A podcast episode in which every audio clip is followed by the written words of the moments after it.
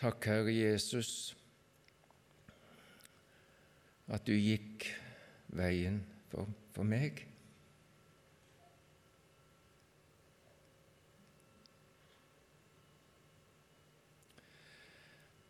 Takk for du er til stede her nå, i ditt ord og ved din ånd.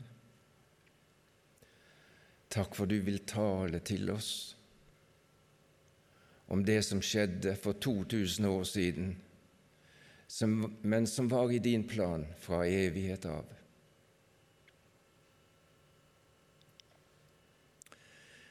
Du vil velsigne for ditt navns skyld. Amen.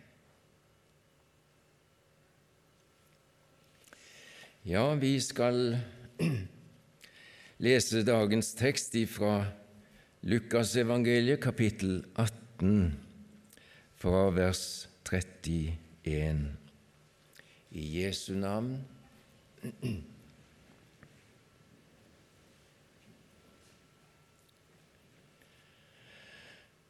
Jesus tok de tolv til side og sa til dem:" Se, vi går opp til Jerusalem, og alt som er skrevet av profetene om menneskesønnen, skal oppfylles. For han skal overgis til hedningene og bli hånet og mishandlet og spyttet på.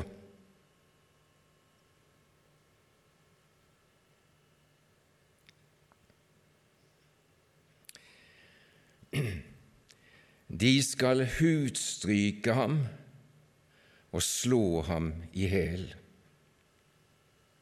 Og på den tredje dag skal han oppstå. Men de forsto ikke noe av dette, og dette ord var skjult for dem, og de skjønte ikke det han sa. Herre Jesus, vi takker for ditt ord til oss. Ditt ord, det er evig sannhet. Hjelp oss, Herre, å tro og ta imot. Amen.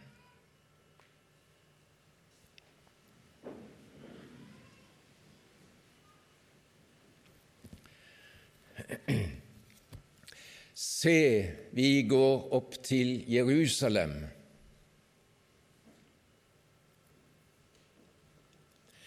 Det sier Jesus til sine tolv disipler. De er på vei oppover.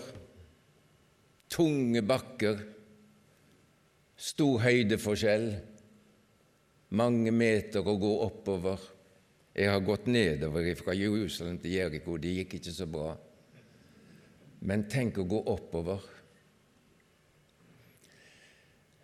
Og Jesus visste hva som ventet, og han taler med sine disipler om det, og de skjønner ingenting. Og akkurat dette at de ikke forsto noe av det, det har jo talt litt spesielt til meg, da. For jeg er så redd for at mange av oss er i samme situasjon i dag.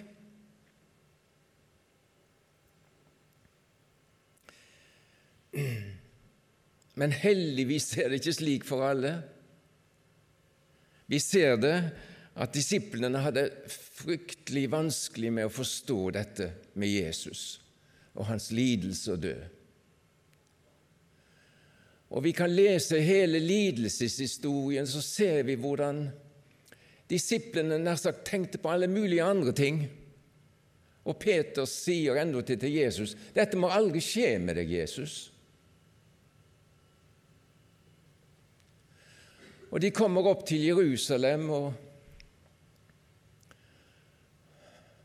og der rir Jesus inn i byen på en, et asen, en asenfole. og Folket roper imot ham, Hosianna, og disiplene er sikkert i den syvende himmel. Dette var store, svære saker.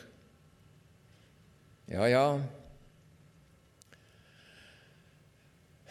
så ber Jesus de om å til bords. De skal spise påskelammet. Jesus innstifter nattverden. Men der midt i påskemåltidet så er opp, disiplene opptatt med hvem av, hvem av oss er størst i denne forsamlingen her? Ja, det kan vi ennå til lese om.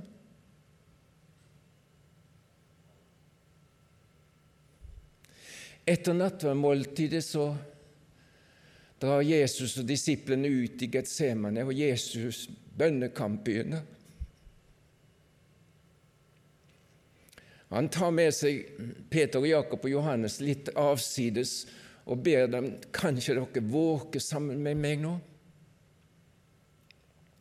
Og Jesus går bort og begynner å be og rope og faller på sitt ansikt. og Så kommer han tilbake. Nei, de var sovnet. De var liksom ikke helt interessert og sto ikke. Kanskje dere våker litt med meg, sier Jesus. Så går han bort igjen og ber igjen og roper til sin far i himmelen. Kommer tilbake. Nei, disiplene hadde sovnet igjen. Å, dere må våke. Nei. Han går bort, ber, roper.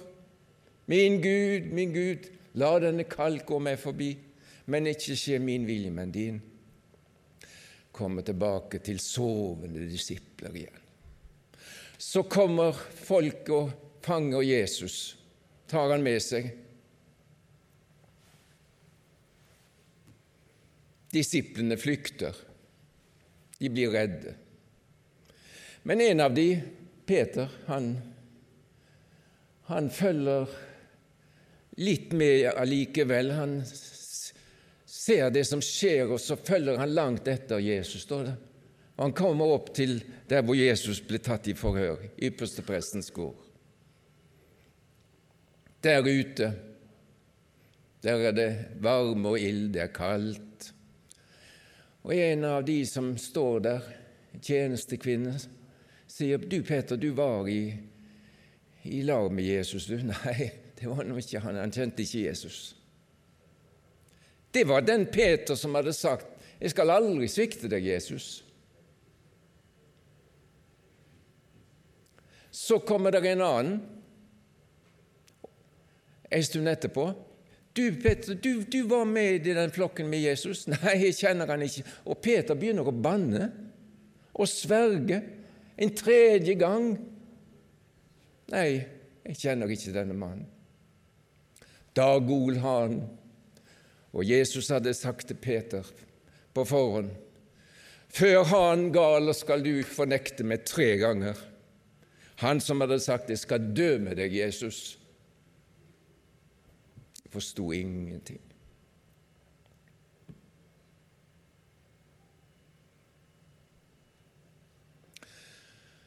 Og Peter gikk ut og gråt bittert. Og slik kunne vi fortsatt forsto lite utover det som skjedde med Jesus. Men Jesus forlot ikke sine disipler for det. Og han, eh, han sender en hilsen til dem etter oppstandelsen. Hils disiplene mine, og hils ekstra til Peter.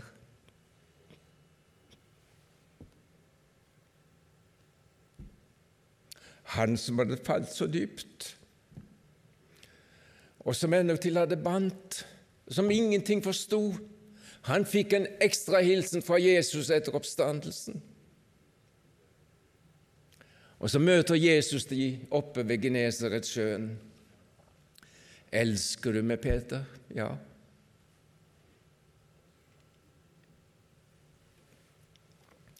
Så kommer pinsen, så får de Den hellige ånd, og så forstår de skikkelig hva som hadde skjedd, hadde han altså sagt.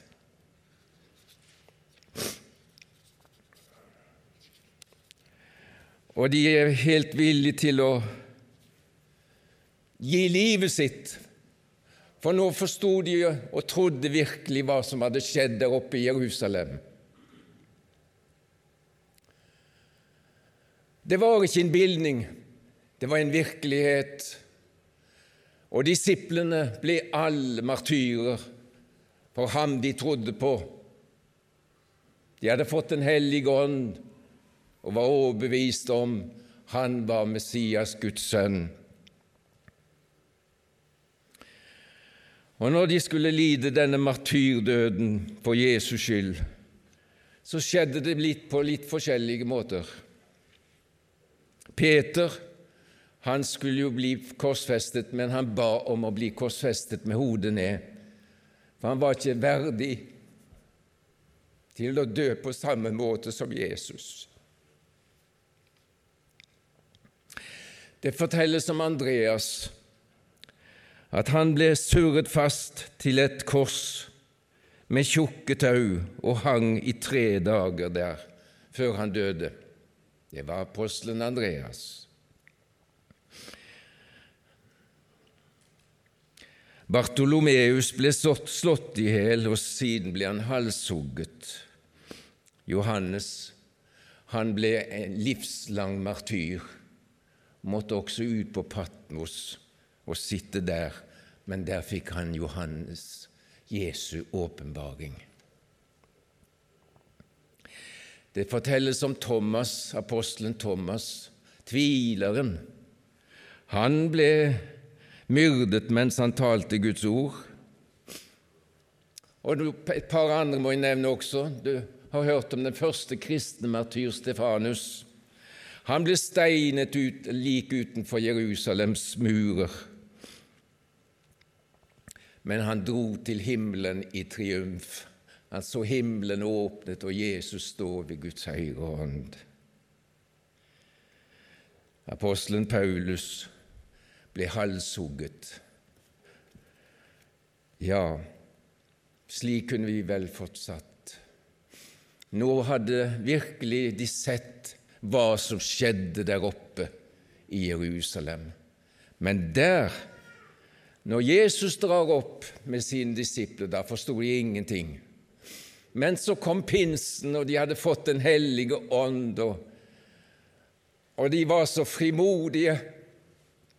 Og de ble nektet å forkynne, men de sa vi kan ikke la være å tale om det vi har sett og hørt. Og jeg skulle ønske at vi hadde den brannen og gløden og hadde den åndens fylde alle sammen,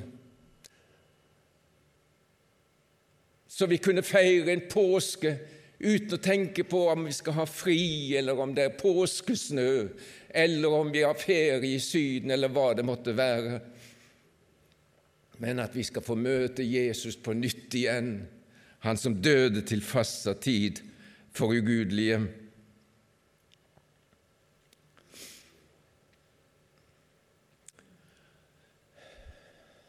Har du sett dette, du som er her i dag? Blir du med opp til Jerusalem?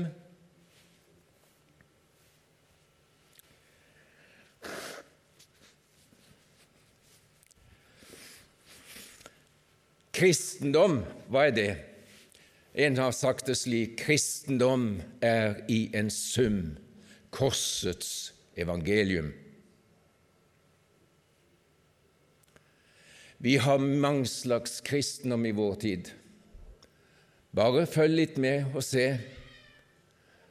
Så ser du at her er en mannfoldighet av kristendom, men det er bare én kristendom, én Kristus.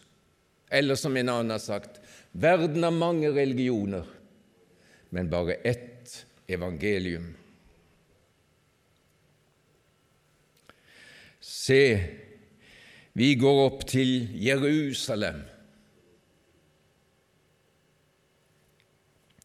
Jerusalem ble kalt den gylne stad, den hellige stad, den evige stad, fredens stad. Jerusalem betyr jo fredens by, fredens eiendom. Alle byer har sine sanger, men ingen by er så besunget som Jerusalem. Ingen by har så mange navn. Ingen by vekker slike drømmer. Ingen by har en slik plass i menneskers hjerte over hele jorden som Jerusalem. Slik er det faktisk også i dag. Det har alltid, inntil nå, stått både kamp og strid og glede om Jerusalem, og kampen vil fortsette inntil Herren Jesus kommer igjen og setter sine føtter på Oljeberget, slik som vi kan lese om i Zakarias, profeten Sakarias kapittel 12-14.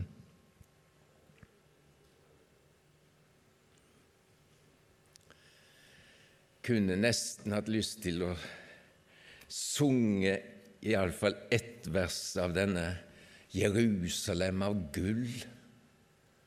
Den har du hørt om den som ble skrevet i 1967, og som runget over radiohøyttalerne over hele byen da Jerusalem ble endelig samlet i én by, og soldatene sto ved klagemuren og gråt.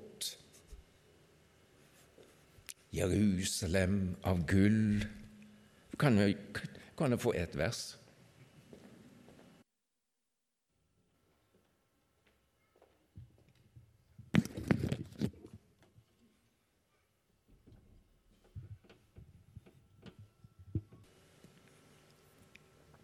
I Bibelen, bøkenes bok, har Jerusalem en sentral plass. Og jeg vil våge den påstand fra evighet av har Gud utpekt dette stedet. Moriafjellet, Jerusalem, til selve stedet for sitt gjenløsningsverk, offerstedet plassen hvor Gud skulle frikjenne menneskeslekten fra syndens og Satans favntak. Jerusalem er egentlig første gang i Bibelen nevnt under Abrahams vandring fra Uri Kaldea til Kanans land. Og her i Kanans land blir Abraham mottatt av presten kongen i Salem, Melkisedek, står det i Bibelen. Første Mosebok kapittel 22. Der står det om Jerusalem. Og Melkisede, kongen i Salem, altså i Jerusalem, kom ut med brød og vin, altså til Abraham. Han var prest for den høyestes Gud. Han velsignet ham og sa:" Velsignet være Abraham av den høyeste Gud, han som eier himmel og jord. Og lovet være den høyeste Gud, som har gitt dine fiender i din hånd, og Abraham gav han tiende av alt. Og Hvis vi hadde lest litt videre her, kapittel 15 i Første Mosebok Det er så, det er så det er så vidunderlig å lese om de løfter som Gud ga Abraham, blant annet. Mange steder kan vi lese om det. Det står at, i kapittel 15 at Gud førte Abraham utenfor og sa:" Se nå opp mot himmelen og tell stjernene hvis du er i stand til å telle dem. Og han sa til dem:" Slik skal din ett bli. Og Abraham trodde på Herren, og han regnet ham det til rettferdighet. Og han sa til ham, Jeg er Herren som førte deg ut fra kaldeernes ur for å gi deg dette landet til eiendom. Ja, slik tal, taler Gud gjennom Skriften. Og så kan vi lese om Jerusalem allerede i kapittel 22 også i Første Mosebok. Og dere som er kjent i Bibelen, vet at der, set, der setter Gud Abraham på prøve. Det står slik at Gud satte Abraham på prøve. Han sa til ham, Abraham, og han svarte, Ja, her er jeg.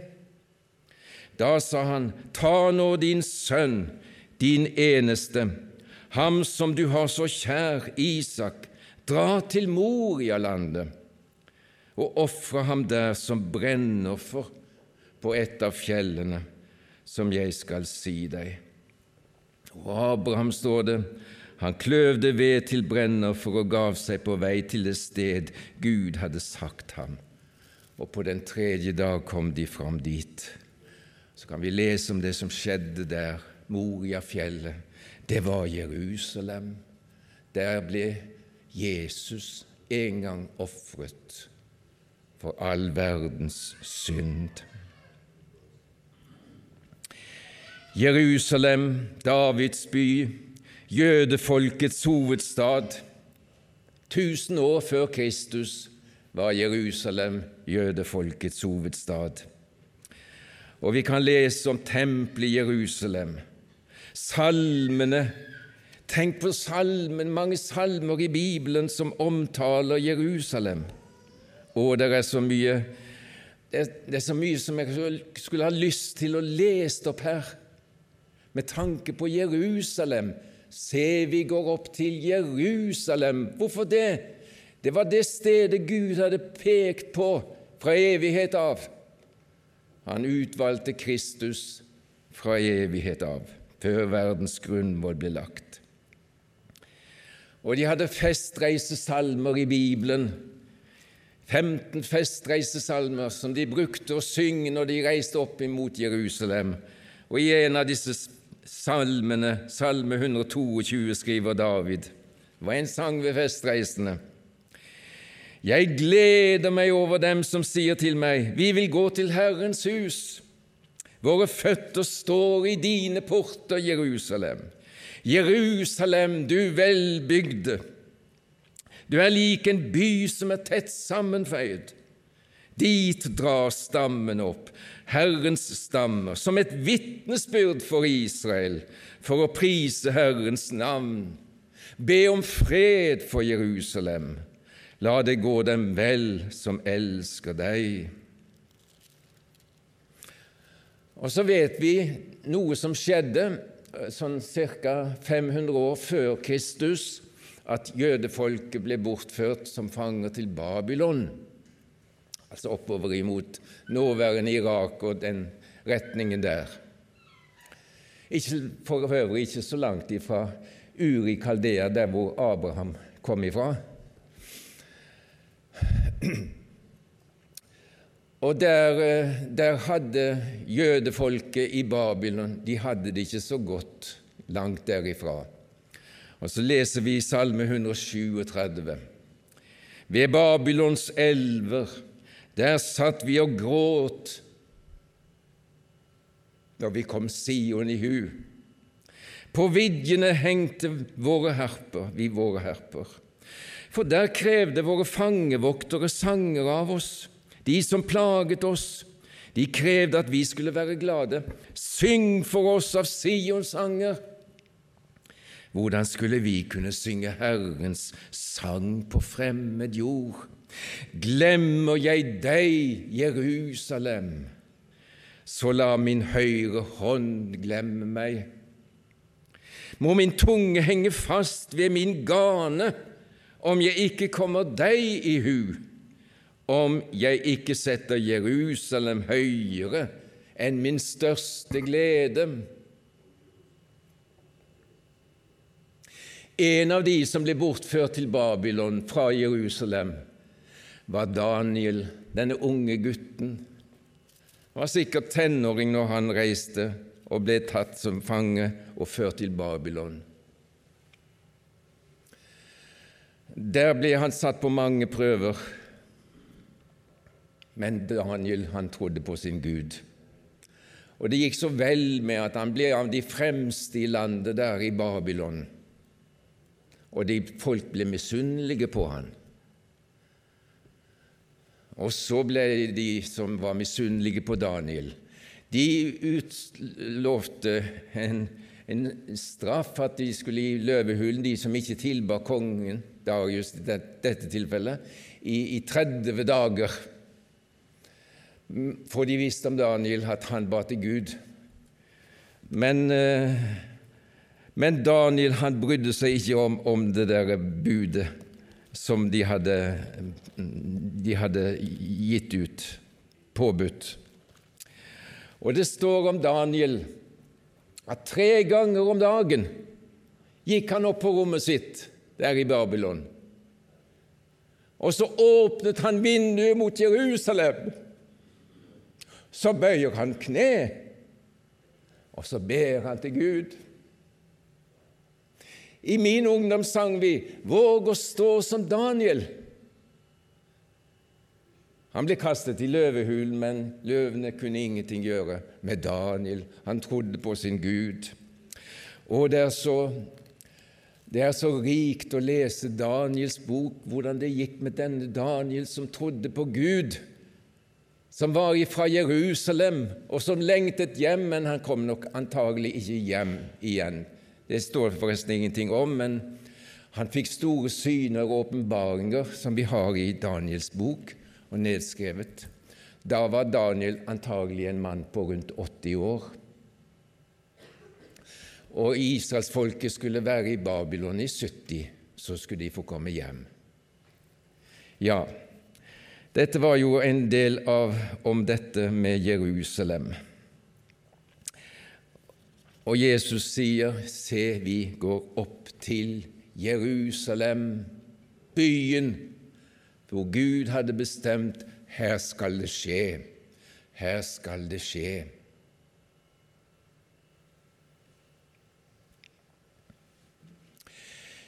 Jeg har hørt om en mann som eh, ble spurt har du vært i Jerusalem.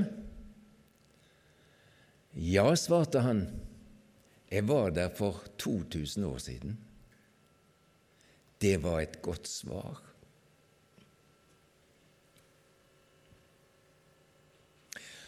Han gikk for Ole Abel en blodig sti, og Ole Abel, som skyldig var, slapp fri. Han gikk inn i mitt sted. Vi kan lese i Det nye testamentet når de skulle, før de korsfestet Jesus, så, så hadde de som skikk å gi en fange fri. Og så spurte de hvem skal vi gi fri, Barabbas eller Jesus? Nei, de ropte Barabbas må få fri, bli fri. Jesus ble korsfestet. Og, når, og hvis Barabbas, og det tror jeg han gjorde, hvis Barabbas gikk opp til Golgata den dagen og så hen til korset, så kunne han tenke han som henger der i midten av de tre kors, der skulle jeg hengt. Han henger der i mitt sted. Skal jeg få lov å si dere noe i dag som du vet, men nå må du få høre det igjen? Når Jesus hang på Golgata kors og roper ut 'det er fullbrakt', og naglet skyldbrevet til korset, det var for deg han gjorde det. Har du takket ham for det? Har du takket ham for det?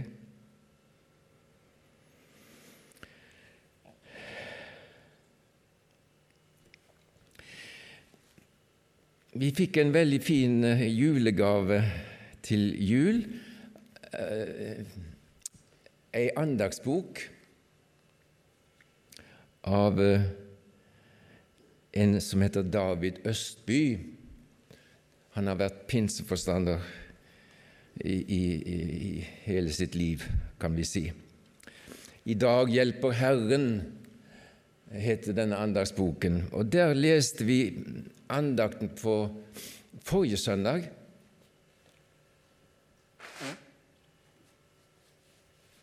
Og det var en andakt over dette ordet i Romerbrevet 5,8. Gud viser sin kjærlighet til oss ved at Kristus døde for oss mens vi ennå var syndere. Og Der forteller David Østby om, to predikantbrødre som het Ragnar og Gunder Engelstad. De opplevde noe spesielt eh, som knyttet de til nær sagt denne, denne sannheten som Romerbrevet 5.8 taler om. For Ragnar, en av de to brødrene altså, han ble sendt til Grini interneringsleir under krigen. Grini interneringsleir for norske fanger. Det var mange fanger der under krigen. Og Ragnar Engelstad var altså en av disse to predikantbrødrene som ble sendt til Grini. Men så forteller han Ragnar om dette. Han sier det sånn Jeg var nygift, og det var en tung tid å bli skilt fra familien. Det var lite mat, jeg ble alvorlig syk og trodde jeg skulle dø. Så forteller Ragnar videre i bønn fikk jeg et syn av en engel som sa:" Om ikke mange dager skal du ut herfra. Jeg fortalte dette til medfanger som spurte hvordan det skulle skje, forteller Ragnar. Så skriver, sier han videre etter om lag fem måneder fikk jeg besøk av min bror Gunder, altså predikantbroren hans. Gunder. Og Gunder han sier, 'Jeg er kommet for å ta din plass.' I bønn på samme tid som jeg hadde sett synet, talte Gud til Gunder om han var villig til å ta min plass. Fangevokterne på Grini de hadde aldri møtt noen som ville sitte på Grini istedenfor sin bror. Men søknaden ble innvilget, og han Ragnar fikk reise hjem, og broren tok hans plass. Broren ble sittende på, på Grini i 19 måneder etter at dette hendte. Og så ble jo krigen slutt, og de fikk komme hjem. Og så reiser disse to brødrene sammen og vitner.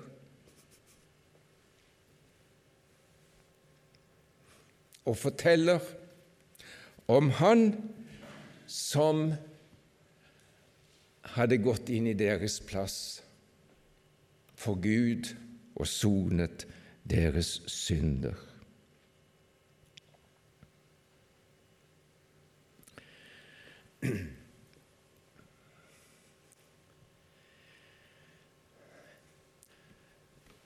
Det er en som har sagt det slik Vil noen vite hva synd er, da må han til Golgata.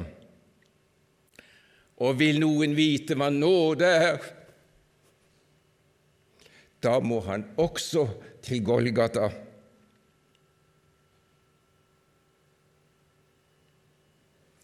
Se, vi går opp til Jerusalem, til Frelserens kors og pine, til lammet som ofres for verdens skyld, for dine synder og mine.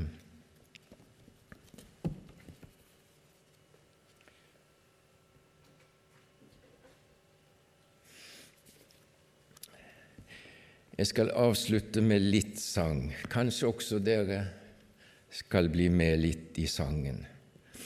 Og da regner jeg jo med at når sangen kommer, så hører ikke den med til talen, sånn at, at, har, at det går ikke av den tiden jeg har brukt.